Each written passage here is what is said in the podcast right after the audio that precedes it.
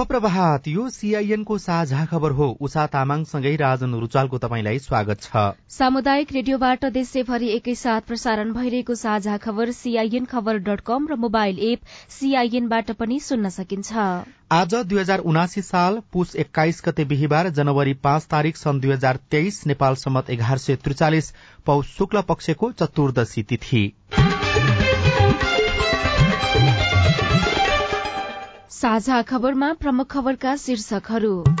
मन्त्रालय नफुटाउन सत्ता गठबन्धन सहमत दुई दिनभित्र न्यूनतम साझा कार्यक्रम ल्याउने तयारी प्रधानमन्त्रीको निर्देशन कार्यान्वयनमा कर्मचारीको आनाकानी। भद्रगोल विश्वविद्यालय कतै विद्यार्थी र प्राध्यापकको ताला कतै पदाधिकारी रिक्त। विशिष्टलाई पानीदेखि साबुनसम्म किन्नमै वार्षिक छ करोड़ खर्च। सीमा भन्दा धेरै ऋण लिइएको ऋण फिर्ता गर्ने म्याद दुई वर्षको। तराई मधेसमा शीतलहर लम्बियो। हुम्ला सदरमुकाम यस वर्ष पनि राष्ट्रिय सड़क सञ्जालमा जोडिने सम्भावना कम। मध्य सोमालियाको हिरान क्षेत्रमा कार बम विस्फोट हुँदा छब्बीस जनाको मृत्यु। भूमध्य सागरको बाटो हुँदै युरोप प्रवेश गर्न खोज्ने चौविस हजार भन्दा बढ़ीलाई लिबिया फर्काइयो। सन् दुई हजार तेइसमा युक्रेन युरोपियन युनियन र नेटोमा सहभागी हुने। र नेपाल टी ट्वेन्टी लीगमा देखिएको विवादबारे छानबिन गर्न राखेपद्वारा समिति गठन आहारा गोल्ड कप फुटबलको दोस्रो सेमी फाइनल आज।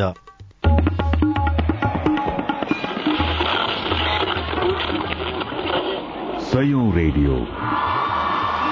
हजारौं रेडियो कर्मी र करोड़ौं नेपालीको माझमा यो हो सामुदायिक सूचना नेटवर्क सीआईएन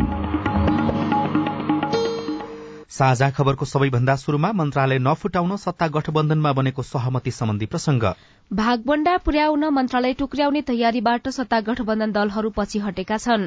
चौतर्फी आलोचना बीच प्रधानमन्त्री निवास बालुवाटारमा बुधबार अपरान्न बसेको बैठकमा शीर्ष नेताहरूले विद्यमान मन्त्रालय संख्या नै बाँडफाँड गर्ने सहमति गरेका हुन्।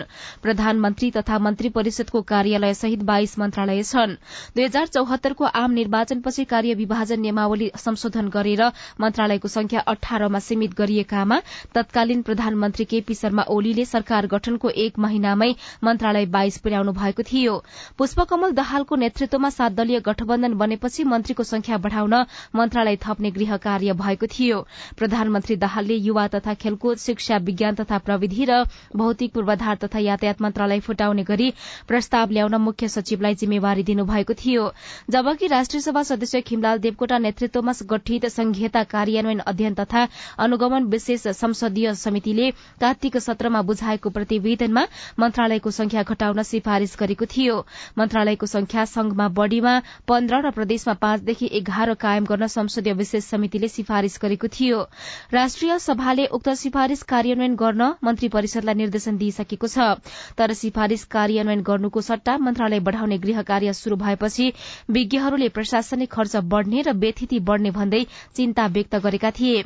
बालुवाटारमा भएको बैठकमा प्रधानमन्त्री एवं माओवादी अध्यक्ष दाहाल एमाले अध्यक्ष केपी शर्मा ओली राष्ट्रिय स्वतन्त्र पार्टीका अध्यक्ष तथा उप प्रधानमन्त्री रवि लामिछाने राप्रपा अध्यक्ष राजेन्द्र लिङदेन जनता समाजवादी पार्टीका अध्यक्ष उपेन्द्र यादव सहभागी थिए।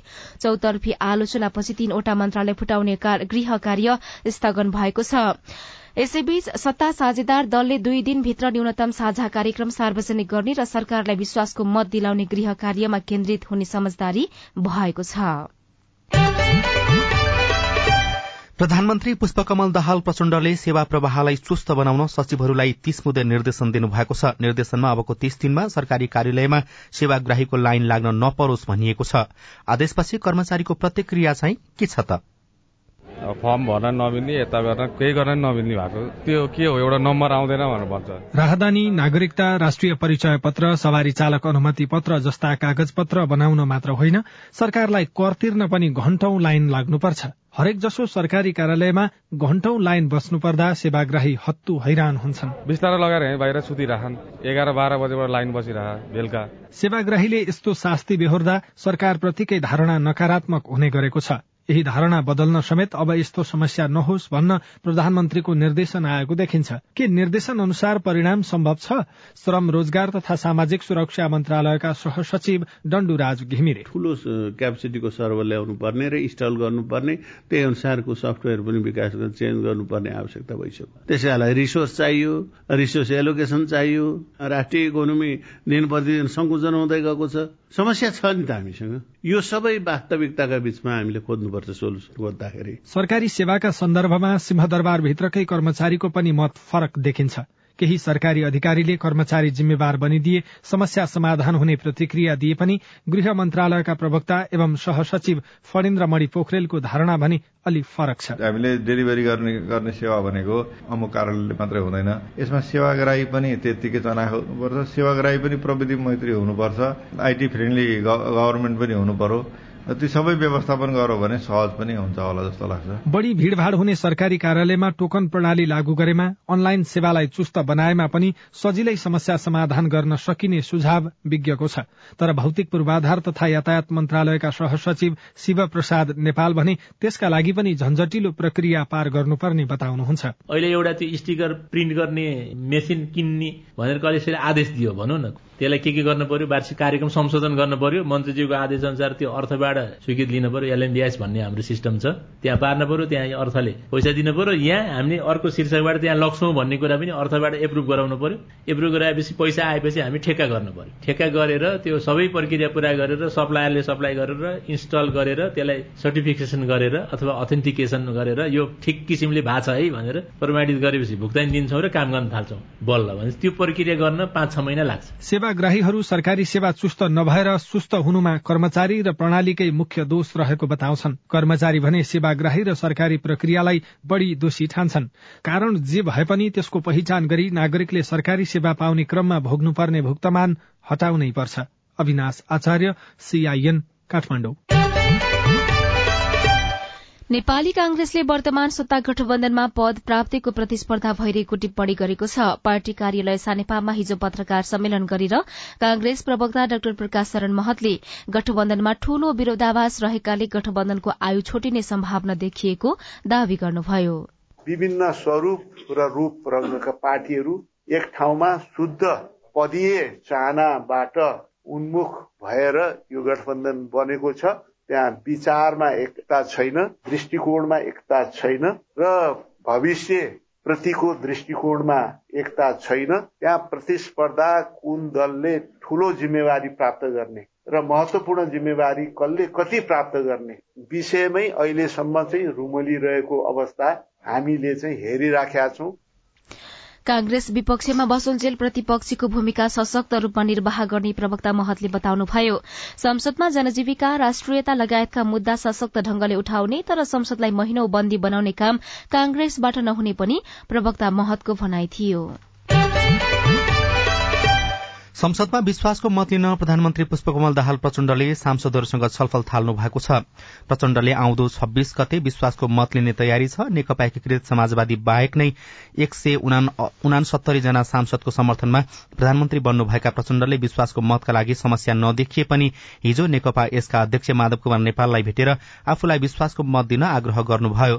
जवाफमा अध्यक्ष नेपालले यसबारेमा छब्बीस गते नै निर्णय गर्ने बताउनु भएको थियो।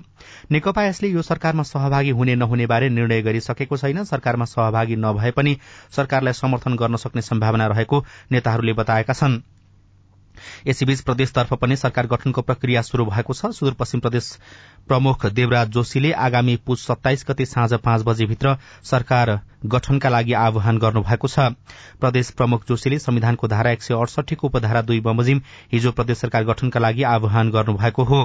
सरकार गठन गर्न संविधानको धारा एक सय अडसठीको एक बमोजिम कुनै पनि दलको एकल बहुमत नपुग्ने भएकाले धारा एक सय अडसठीको दुई अनुसार दुई वा दुई भन्दा बढ़ी दलको समर्थन प्राप्त प्रदेशसभा सदस्यलाई मुख्यमन्त्रीमा दावी गर्न आह्वान गरिएको प्रदेश प्रमुखको कार्यालयका निमित्त सचिव शैलेश राज ढुंगानाले सीआईएनलाई जानकारी दिनुभयो।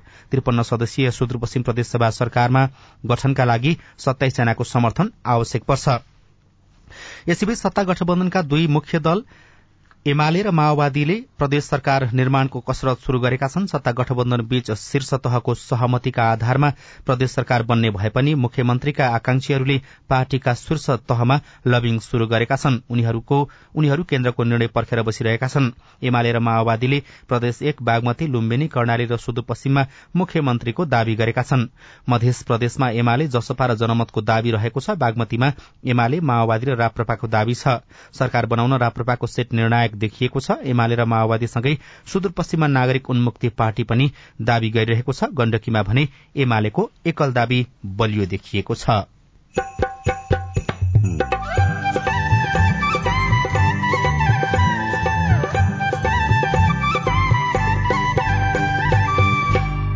सामुदायिक सूचना नेटवर्क सीआईएन मार्फत देशभरि प्रसारण भइरहेको साझा खबरमा तातोपानी नाका दुईतर्फी नखुल्दा नेपाली व्यापारीलाई शास्ति।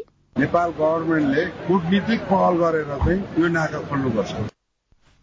सीमाभन्दा धेरै लिइएको ऋण फिर्ता गर्न दुई वर्षको म्याद तराई मधेसमा शीतलहर लम्बियो।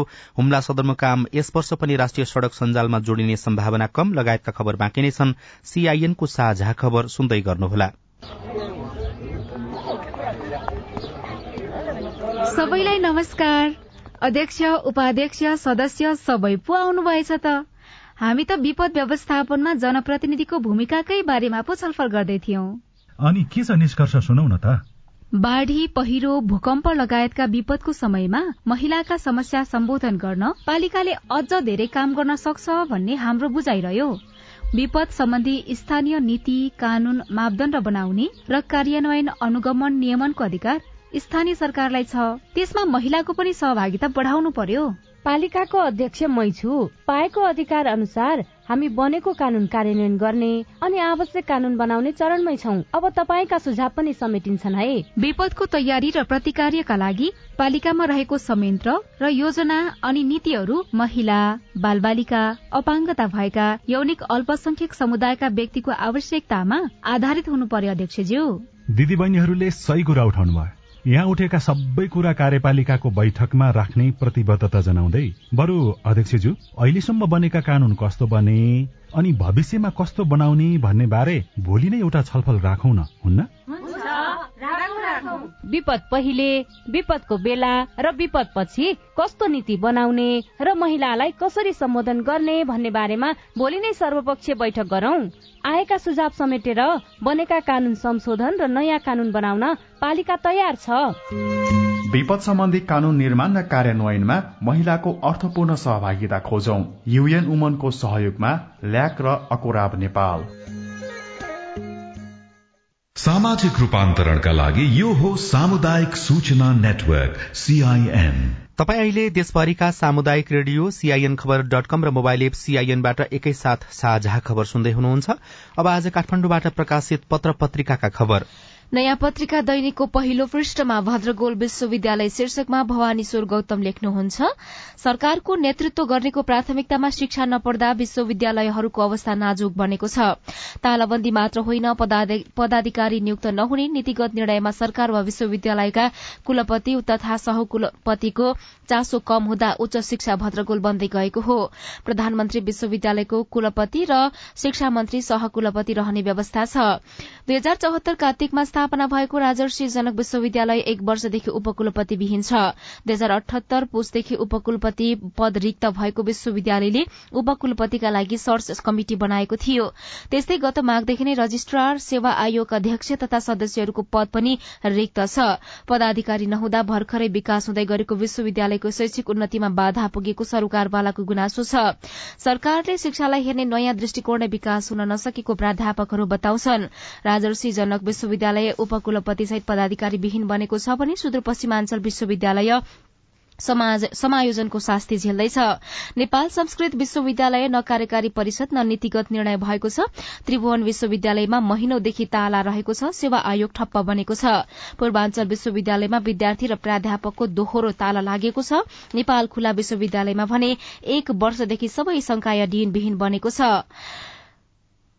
पूर्व उपकुलपति त्रिविका पूर्व उपकुलपति केदार भक्त माथेमा भने प्रधानमन्त्रीबाटै नियुक्त हुने व्यवस्था नै परिवर्तन गर्नुपर्ने बताउनुहुन्छ। चरम राजनीतिकरणले थिलथिलो भएका विश्वविद्यालयहरूलाई थप भद्रकोल बनाउन विद्यार्थी संगठन र प्राध्यापकहरूको पनि योगदान देखिएको छ। कतै विद्यार्थी र प्राध्यापक दुवैका ताला कतै लामो समयदेखि उपकुलपति सहितका पदाधिकारी रिक्त भएका छन्। सोही पृष्ठमा तराई मधेसमा लम्बियो शीतलहर शीर्षकमा खबर छापिएको छ। तराई मधेसमा शीतलहर लम्बिँदा जनजीवन कष्टकर बने बनेको छ। विशेष गरी मध्य तराई नेपालगंजदेखि पूर्व जनकपुरसम्मको क्षेत्रमा दिनभर जसो कुहिरो लाग्ने गरेको छ भने पश्चिम र पूर्वी तराईमा हुस्सु लाग्छ। दिनभर जसो घाम नलाग्ने र लागिहाले पनि एकदमै न्यून ताप हुँदा तराईका धेरै जसो क्षेत्रमा अधिकतम तापक्रम निकै घटेको छ। अधिकतम र न्यूनतम तापक्रमको अन्तर एक दशमलव नौ डिग्रीसम्ममा सीमित। औसत अधिकतम तापक्रम पाँच डिग्री भन्दा बढ़ीले घटेको छ। देशभर प्रदूषण पनि बढ़ेको छ। मापन भएका दश स्थान मध्ये राराको हावा मात्रै स्वस्थकर देखिएको छ। कान्तिपुर दैनिकको पहिलो पृष्ठमा प्रदेशपालिकाबाट खोसिएका बाइस अर्बका आयोजना अलपत्र शीर्षकमा विमल खतिवड़ाले खबर लेख्नु भएको छ। निवर्तमान प्रधानमन्त्री शेरबहादुर देउवा र अर्थमन्त्री जनार्दन शर्मा विकास आयोजनालाई अनिर्णयको बन्दी बनाएर विदा हुनुभएको छ। उहाँहरूले एउटै आर्थिक वर्षमा आफैले प्रस्तुत गरेको बजेटबाट प्रदेश तथा स्थानीय तहमा राखिएका बाइस अर्बका विभिन्न आयोजनालाई संघमा तहत ल्याउनु भएको छ। संसदले वित्त विधेयकका रूपमा पारित गरेको बजेटलाई तत्कालीन मन्त्री परिषदले गैर कानूनी हस्तक्षेप गरेपछि ती आयोजना अलपत्र परेका छन्। चालू आर्थिक वर्षमा खानेपानी पर्यटन शहरी विकास सिंचाई नदी नियन्त्रणतर्फ कम बजेटका आयोजनालाई प्रदेश र स्थानीय तहमा हस्तान्तरण गरिएको थियो। संसदले पारित गरेको बजेटमा खानेपानी पर्यटन र शहरी विकासका एक करोड़ रूपियाँसम्मका सिंचाई र नदी नियन्त्रणका दुई करोड़ रूपियाँसम्मका तथा सड़क आयोजनाका पाँच करोड़ रूपियाँसम्मका आयोजना प्रदेशमा हस्तान्तरण गरिएको थियो। त्यस्तै पचास लाख रूपियाँसम्मका खानेपानी पर्यटन र शहरी विकास आयोजना स्थानीय तहमा हस्तान्तरण गरिएको थियो। बजेटमा यस्ता आयोजना प्रदेश र स्थानीय तहमा मात्रै कार्यान्वयन हुने भनिएको छ। त्यही अनुसार संघमा पुँजीगत तर्फ विनियोजन भएको बाइस अर्ब रूपियाँ प्रदेश र स्थानीय तहमा थप वित्तीय हस्तान्तरण गरिएको थियो। तर तत्कालीन अर्थमन्त्रीको दबावमा मन्त्री परिषदले पटक्कै निर्णय गरेर प्रदेश र स्थानीय तहमा आयोजना तहका आयोजना संघमा फिर्ता गर्ने निर्णय गरेको थियो। योजनै तोकेर त्यसको कार्यान्वयन स्थानीय तहले गर्ने भनेर सांसदले संसदले पास गरेको हो। त्यसलाई संघले फिर्ता लैजानु नियमसँग छैन। गाउँपालिका राष्ट्रिय महासंघका अध्यक्ष लक्ष्मी पाण्डेले प्रतिक्रिया दिनुभएको छ। खबरमा उल्लेख गरिएको छ। नागरिक दैनिकमा विशिष्टलाई साबुन ब्रश टुथपेस्ट र पानीमै छ करोड़ शीर्षकमा भुवन शर्मा लेख्नुहुन्छ। अति विशिष्ट पदाधिकारीलाई साबुन ब्रश दन्त मञ्जन tissue paper spray Baygon Surf mineral water doormat जस्ता ससाना सामग्री समेत सरकारले उपलब्ध गराउँदै आएको छ। राष्ट्रपति उपराष्ट्रपति प्रधानमन्त्री प्रधान न्यायाधीश सभामुख र राष्ट्रिय सभाका अध्यक्षलाई राज्यले उपलब्ध गराउने त्यस्ता सामग्रीमा मात्र हरेक वर्ष छ करोड़ रूपियाँ भन्दा बढ़ी खर्च हुने गरेको छ। दुई हजार छप्पन्न सालमा मन्त्री परिषदले विशिष्ट पदाधिकारी र मन्त्री निवास पुल्चोकका लागि दैनिक आवश्यक सामग्री उपलब्ध गराउने निर्णय गरेको थियो तर कुन पदाधिकारीलाई के के सामग्री उपलब्ध गराउने भन्ने विषयमा मापदण्ड मापदण्ड र कार्यविधि बनेन। त्यसैले विशिष्ट पदाधिकारीले जे सामग्री माग गर्छन् व्यवस्थापन कार्यालयले त्यही उपलब्ध गराउँदै आएको छ। विशिष्ट पदाधिकारीले मागे जति सामान शहरी विकास मन्त्रालय मातहत संघीय सचिवालय निर्माण तथा व्यवस्थापन कार्यालयले उपलब्ध गराउँदै आएको छ। कान्तिपुर दैनिकको अर्थ वाणिज्य पृष्ठमा सीमाभन्दा धेरै लिइएको ऋण फिर्ता गर्न दुई वर्ष म्याद शीर्षकमा यज्ञ बन्जाडेले खबर लेख्नु भएको छ कार्यान्वयनमा आएको चार महिनामै नेपाल राष्ट्र बैंकले चालू पुँजी कर्जा सम्बन्धी मार्गदर्शन संशोधन गरेको छ। संशोधित मार्गदर्शनमा तोकिएको सीमाभन्दा बढ़ी ऋण लिएका ऋणीलाई किस्ताबन्दी रूपमा चुक्ता गर्न दुई वर्ष दुई हजार बयासी सालको असारसम्ममा थप समय दिइएको छ। उद्योगी व्यवसायको तीव्र विरोधपछि राष्ट्र बैंकले बुधबार मार्गदर्शन संशोधन गरेर म्याद लगायतका विभिन्न व्यवस्था गरेको हो। त्यस्तै नयाँ पत्रिका दैनिकको भित्री पृष्ठमा हुम्ला सदरमुकाम यस वर्ष पनि राष्ट्रिय सड़क सञ्जालमा नजोडिने खबर छापिएको छ। मिलन विश्वकर्माले यो खबर लेख्नु भएको हो। चालू आर्थिक वर्ष उनासी अस्सीमा हुम्ला सदरमुकाम सिमीकोटलाई राष्ट्रिय सड़क सञ्जालमा जोड्ने सरकारको लक्ष्य पूरा नहुने भएको छ। सरकारले गत जेठ दशमा नीति तथा कार्यक्रम जारी गर्दै चालू आर्थिक वर्षमै सिमीकोटलाई राष्ट्रिय सड़क सञ्जालमा जोड्ने बताएको थियो तर आयोजनाको पछिल्लो प्रतिवेदनले चालू आर्थिक वर्षमा हुम्ला सदरमुकाम सिमीकोट राष्ट्रिय सड़क सञ्जालले नछुन्ने पुष्टि गरेको छ। साझा खबरमा अब हेलो सुशीला श्रेष्ठबाट। आजको हेलो सीआईएनमा हामीले सीआईएनको फेसबुक पेजमा प्राप्त भएका प्रश्न तथा प्रतिक्रिया लिएका छौं। वर्षाबाट आनन्द कर्ण सोध्नुहुन्छ प्रदेश लोकसेवा आयोग बागमती प्रदेशले विज्ञापन गरेको पाँचौं तहको अप्राविधिक सहायकको पाठ्यक्रम परिमार्जन हुन्छ कि हुँदैन? हुन्छ भने त्यसको जानकारी कहिलेसम्म पाउन सकिएला? आनन्दजी तपाईँको प्रश्नको जवाफ हामीले प्रदेश लोकसेवा आयोग बागमती प्रदेशका सूचनाधिकारी राजु राज अर्यालबाट लिएका छौं। पाँचौँ तहको अपराध तहको चाहिँ पाठ्यक्रम साबिकै हो। नयाँ खुलिया राष्ट्रको चाहिँ नयाँ थप भएको हो। थप भएको नि पाठ्यक्रम चाहिँ हाम्रो वेबसाइटमा अपडेट भइसक्यो। राष्ट्र तर्फमा चाहिँ नयाँ बन्या हो। अरूको चाहिँ कोर्स जे थियो त्यो यथावतै हो।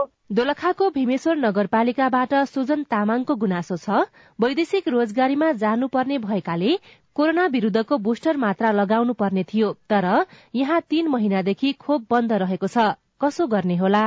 सुजनजी तपाईँको गुनासो हामीले भीमेश्वर नगरपालिकाका स्वास्थ्य शाखा संयोजक श्याम खड्कालाई सुनाएका छौं। कोरोना अलिकति सब्साइड भइसके पछाडि खोप कार्यक्रमहरूको अभियान चाहिँ तीन महिनादेखि रोकिएकै छ। त्यहाँ खोप सप्लाई नभएको कारणले तत्काल समस्या तरिकाहरूले चाहिँ अब काठमाडौँबाटै खोप लगाएर यतैबाट क्युआर कोड बनाएर पनि गइरहेको देख्छु। अब पहिला खोप लागेकोहरूले त क्युआर कोड पाइहाल्नुहुन्छ केही समस्या छैन अहिले। केन्द्रको टोलीसँग हामीले कुरा गरेर अब केही समय पछाडि खोप सुचारू हुन्छ हजुर। दोलखामा मात्रै होइन अहिले अधिकांश जिल्लामा कोरोना विरूद्धको खोप अभियान रोकिएको छ। खोप आपूर्ति कहिलेसम्म सहज होला? हामीले स्वास्थ्य तथा जनसंख्या मन्त्रालयका प्रवक्ता डाक्टर सञ्जय कुमार ठाकुरलाई सोधेका छौं। पब्लिकमा डिमान्ड थिएन। अब धेरै मात्रामा किन्नु भएन किनभने त्यो दस हप्ताभित्र लगाइसक्नुपर्छ बाहिर निकालेको नभए त्यो एक्सपायर हुन्छ। केही केही एक डेढ लाख एक्सपायर हुने अवस्थामा गइसकेको हुनाले हामीले त्यो छिटो छिटो पठाइदियौँ। अहिले पनि दसवटा जिल्लामा छ होला रहल पठाएको लास्ट अब अहिले पन्ध्र लाख भ्याक्सिन आउँदैछ किनेर अनि त्यो बुस्टरको लागि मात्रै फाइजरको अब त्यो दुई हप्ताभित्र आउँछ भनेर भन्नुभएको छ। तर नब्बे लाख भ्याक्सिनको त्यो अलरेडी त्यो सम्झौता भइसकेको छ कोभ्याक्स मार्फत। मन्त्रालयको स्ट्यान्डर्ड के हो भनेकै सबैतिर पालिकातिर जहाँ भए पनि खोप चाहिँ एभाइलेबल गराइदिनुहोस्। अस्ति पनि हामीले भनेका छौँ सचिवजी मार्फत पनि कुरा भएको छ। अनि फ्यामिली डिभिजनले त्यसमा हामी अब स्पिडअप गर्छौँ ल्याउँदैछौँ ल्याउँछौँ।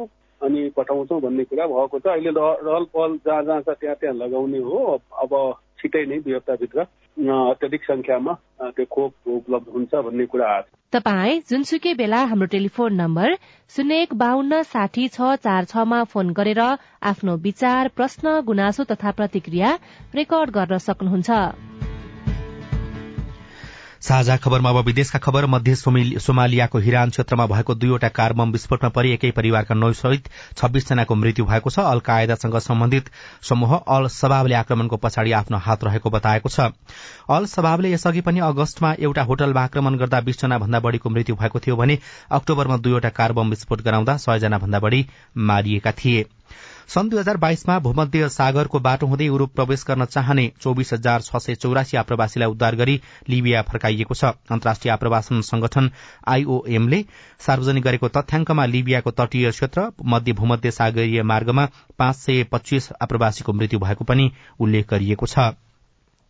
युक्रेनले सन् दुई हजार तेइसमा युरोपियन युनियन र नेटोमा सहभागी हुने बताएको छ। यो वर्ष युक्रेनले गर्ने दसवटा प्राथमिकताका काम सार्वजनिक गर्दै युक्रेनका प्रधानमन्त्री डेनिस सामियलले युरोपियन युनियनमा सहभागी हुनेदेखि लिएर नेटोको सदस्यता लिनेसम्मका योजना बनाएको बताउनु भएको छ।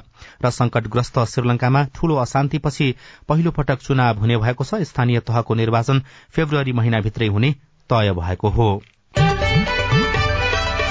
साझा खबरमा अब खेल खबर। राष्ट्रिय खेलकुद परिषद राखेपले राजधानीमा जारी नेपाल टी ट्वेन्टी लीग क्रिकेटको पछिल्लो समय देखिएको विवाद र घटनाक्रमबारे छानबिन गर्न समिति गठन गरेको छ। परिषदको कार्यकारी समितिको हिजो बसेको बैठकले समितिका सदस्य यकेन्द्र बहादुर कुवरको संयोजकत्वमा पाँच सदस्यीय छानबिन कार्यदल गठन गरेको हो।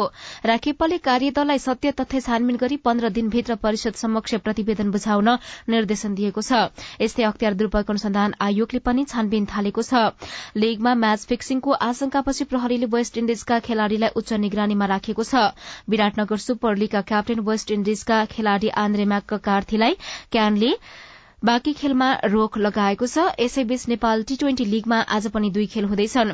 पहिलो बिहान नौ बजे जनकपुर रोयल्स र पोखरा एभेन्जर्स खेल्दा दोस्रो खेलमा दिउँसो एक बजे फार वेस्ट युनाइटेड र काठमाण्डु किङ्स बीच प्रतिस्पर्धा हुनेछ। र पोखरामा जारी आहारा र गोल्ड कप फुटबलमा आज चर्च बोइज युनाइटेड र बुटनिस युथ सकर क्लब बीच दोस्रो सेमी फाइनल खेल हुँदैछ। यी दुई बीचको विजेताले उपाधिका लागि संकटासँग प्रतिस्पर्धा गर्नेछ। संकटा हिजो भएको पहिलो सेमी फाइनलमा साबिक विजेता एपीएफ क्लबलाई चार एकले हराउँदै उपाधि नजिक पुगेको हो।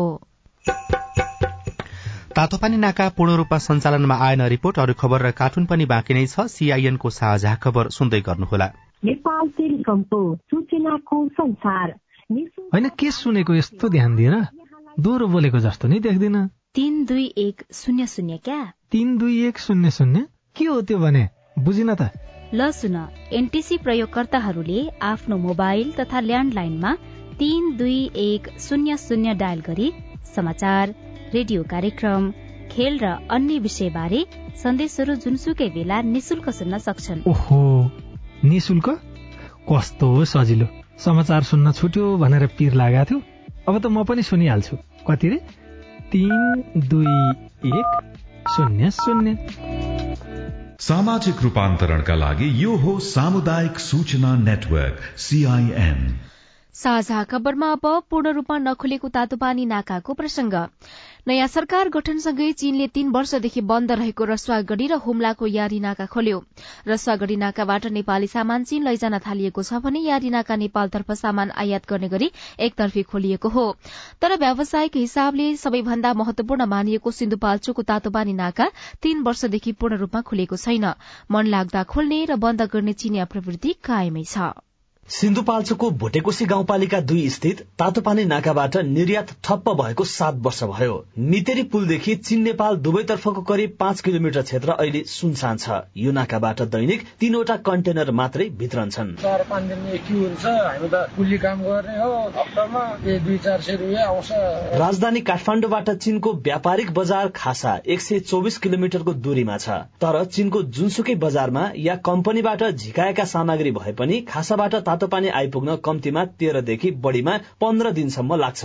केरुङबाट कन्टेनर ल्याउँदा ढुवानी भाडा बढ़ी लाग्ने र पुलमा सामान झार्दा टुटफुट भएर घाटा हुने भएकाले नेपाली व्यापारी तातोपानी नाकाबाटै सामान ल्याउन चाहन्छन्। तर यसमा चिनिया पक्ष अनुदार देखिएको छ। नेपाल चेम्बर अफ कमर्सका पूर्व अध्यक्ष राजेश काजी श्रेष्ठ। चाइना सरकारले उताबाट दिनको पन्ध्र ट्रक बिस ट्रक भने त्यो होइन। सामान हामी ठिकाउँछौँ भने उनीहरूले पठाउनु पर्यो नि सय ट्रक पनि पठाउनु पर्यो दुई छ भने दुई ट्रक पर्यो त्यो थोरै कोटा हो र पन्ध्र र बिस भनेर। श्रेष्ठको भनाइमा व्यवसायी रमेश शेर्पा पनि सहमत हुनुहुन्छ। उत्तरी नाकाको यो पोर्टलाई चाहिँ राज्यले व्यवस्था गरे हो जस्तै चाइनिज सरकारले पनि उनीहरूकै अनुदानमा यत्रो ठुलो पोर्ट बनाइदिँदाखेरि पनि सही ढङ्गमा चाहिँ चल्नमा इच्छाहरू अलिकति कमी भएको हो कि भन्ने महसुस हुन्छ। तिब्बतमा कोरोना महामारी विरूद्ध लगाइएको निषेधाज्ञा अझै जारी छ। बेजिङको शून्य कोविड नीतिका कारण चीनमै थन्किएका व्यापारिक सामग्री ल्याउन ढिलाइ भएपछि अधिकांश नेपाली व्यापारी पेसाबाटै पलायन भएका छन्। भूकम्प भोटेकोशीको बाढ़ी वर्षा र सुक्खा पहिरो सहित हिमपात कोरोना संक्रमण जस्ता अनेक कारण देखाएर नेपाललाई अप्ठ्यारो परेकै बेला चिनिया नाका बन्द भएपछि नेपाली व्यापारीले कठिनाई बेहोर्न परेको छ। भूकम्प पछिको पुननिर्माण भइसकेको र सुक्खा बन्दरगाह पनि बनिसकेको अवस्थामा नाकालाई दोहोरो रूपमा खुलाउन नेपाल सरकारले समेत पहल नगरेको व्यवसायीको गुनासो छ। नेपाल ट्रक कन्टेनर ढुवानी सेवाका अध्यक्ष अर्जुन बहादुर सापकोटा। नेताहरूलाई चाहिँ नाका चाहिँ ढाट्ने कुराहरू भइरहेछ कि तुरुन्तै खोल्छु या गर्छु त्या गर्छु। तर यहाँ ऊ व्यवसाय मार्न परेछ के थाहा नेपाल गभर्मेन्टले कूटनीतिक पहल गरेर चाहिँ यो नाका खोल्नुपर्छ। जनवरी नौबाट चीनले शून्य कोविड नीतिमा परिवर्तन गर्दै अन्तर्राष्ट्रिय सीमा नाकालाई पहिलेकै अवस्थामा सञ्चालन गर्ने आन्तरिक पत्रचार गरेपछि नेपाली व्यवसायी केही आशावादी भने देखिएका छन्। तर तातोपानी भन्सार कार्यालय समक्ष यसको औपचारिक जानकारी कतैबाट आएको छैन। Dipak Khatri CIN radio Sindhu Sindhupalchok. रिपोर्टसँगै हामी साझा खबरको अन्त्यमा आइपुगेका छौं। सामुदायिक रेडियो प्रसारक संघद्वारा संचालित सीआईएनको बिहान छ बजेको साझा खबर सक्नु अघि मुख्य मुख्य खबर फेरि एकपटक। मन्त्रालय नफुटाउन सत्ता गठबन्धन सहमत। दुई दिनभित्र न्यूनतम साझा कार्यक्रम ल्याउने तयारी। प्रधानमन्त्रीको निर्देशन कार्यान्वयनमा कर्मचारीको आनाकानी। भद्रगोल विश्वविद्यालय कतै विद्यार्थी र प्राध्यापकको ताला कतै पदाधिकारी रिक्त। विशिष्टलाई पानीदेखि साबुनसम्म किन्नमै वार्षिक छ करोड़ खर्च। सीमा भन्दा धेरै लिएको ऋण फिर्ता गर्न दुई वर्षको म्याद। तराई मधेसमा शीतलहर लम्बियो। हुम्ला सदरमुकाम यस वर्ष पनि राष्ट्रिय सड़क सञ्जालमा जोडिने सम्भावना कम। मध्य सोमालियाको हिरान क्षेत्रमा कार बम विस्फोट हुँदा छब्बीस जनाको मृत्यु भूमध्य सागरको बाटो हुँदै युरोप प्रवेश गर्न खोज्ने चौबिस हजार भन्दा बढ़ीलाई लिबिया फर्काइयो। र नेपाल टी ट्वेन्टी लीगमा देखिएको विवादबारे छानबिन गर्न राखेपाद्वारा समिति गठन आहारा र गोल्ड कप फुटबलको दोस्रो सेमी फाइनल आज। साझा खबरको अन्त्यमा कार्टुन लिएका छौं कान्तिपुर दैनिकबाट गजब छब्बा शीर्षकमा अविनले बनाउनु भएको कार्टुन छ। यहाँ प्रहरी जस्ता देखिने व्यक्तिहरू छन् जो अगाडिपट्टि हिँडिरहेका सांसद जस्ता देखिने व्यक्तिलाई स्याल्युट गरिरहेका छन्। ती सांसद जस्ता देखिने व्यक्ति चाहिँ फूलमाला लगाएका छन्। निकै डम्म परेको भुँडी बनाएर हिँडिरहेका छन्। पछाडिपट्टि फरार सूची पनि देखिएको छ। जघन्य अपराधमा संलग्न भएका र अदालतबाट जेल सजाय पाएकाहरू फरार सूचीमा छन् तर उनीहरू चुनाव लडेर सांसद बने संसद भवन पनि छिरे शपथ पनि लिइसके। प्रहरी भने उनीहरूलाई देख्दैन देखे पनि नदेखे झै गर्छ। त्यही कुरालाई व्यङ्ग्य गर्न खोजिएको छ अनि तल चाहिँ यस्तो लेखिएको छ। हो भन्या मलाई नि मान्यज्यूलाई कहीँ देखा देखा जस्तो त लागिरहेछ। कहाँ देखा हो कहाँ देखा हो खोइ थाहै भएन। हवस् त। प्राविधिक साथी सुनिल राज भारतलाई धन्यवाद। अहिलेलाई राजन रुचाल र उषा तामाङ विदा भयौं। तपाईँको आजको दिन शुभ होस्। नमस्कार। यसपछि देशभरिका सामुदायिक रेडियोबाट कार्यक्रम हाम्रो पालिका प्रसारण हुनेछ। सुन्ने प्रयास गर्नुहोला।